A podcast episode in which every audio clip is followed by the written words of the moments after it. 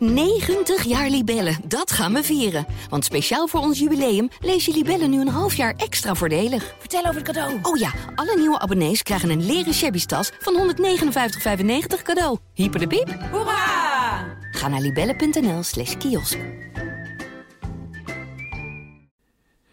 Voor 20.000 euro heb ik de SBS-volkszanger René Leblanc een maand lang geboekt.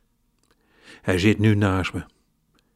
Ik heb hem gezegd dat ik hem vanavond ga schilderen. En midden in mijn kamer heb ik vier lege kratjes bier neergezet, zodat hij toch op een soort van podium staat te zingen.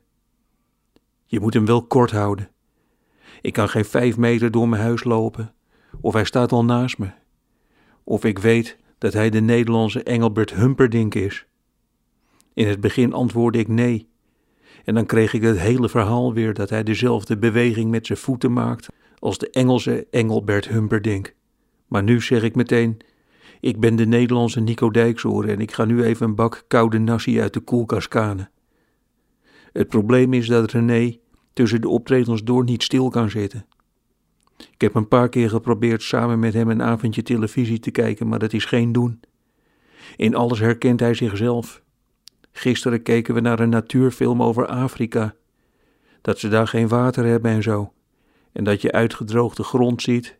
En dat het dan gaat regenen en er opeens allemaal dieren samenkomen bij een drinkplaats. En daar zit Leblanc dan permanent doorheen te kwekken.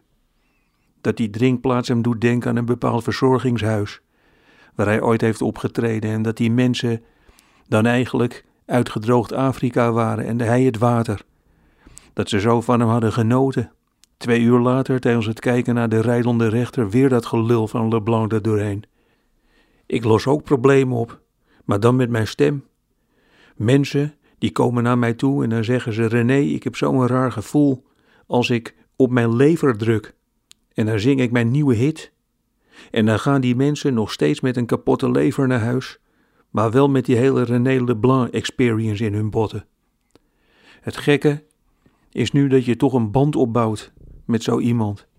Vanmiddag heb ik hem bij me geroepen. Wilde die meteen weer zijn nieuwste hit gaan zingen, iets met love erin. En een heel verhaal meteen weer over zijn overhemd dat hij de uitvinder was van de opstaande boord. Ik heb hem toen onderbroken en gevraagd of hij naast me kwam zitten. Daarna heb ik hem gezegd dat hij heel mooi, natuurlijk vallend haar heeft.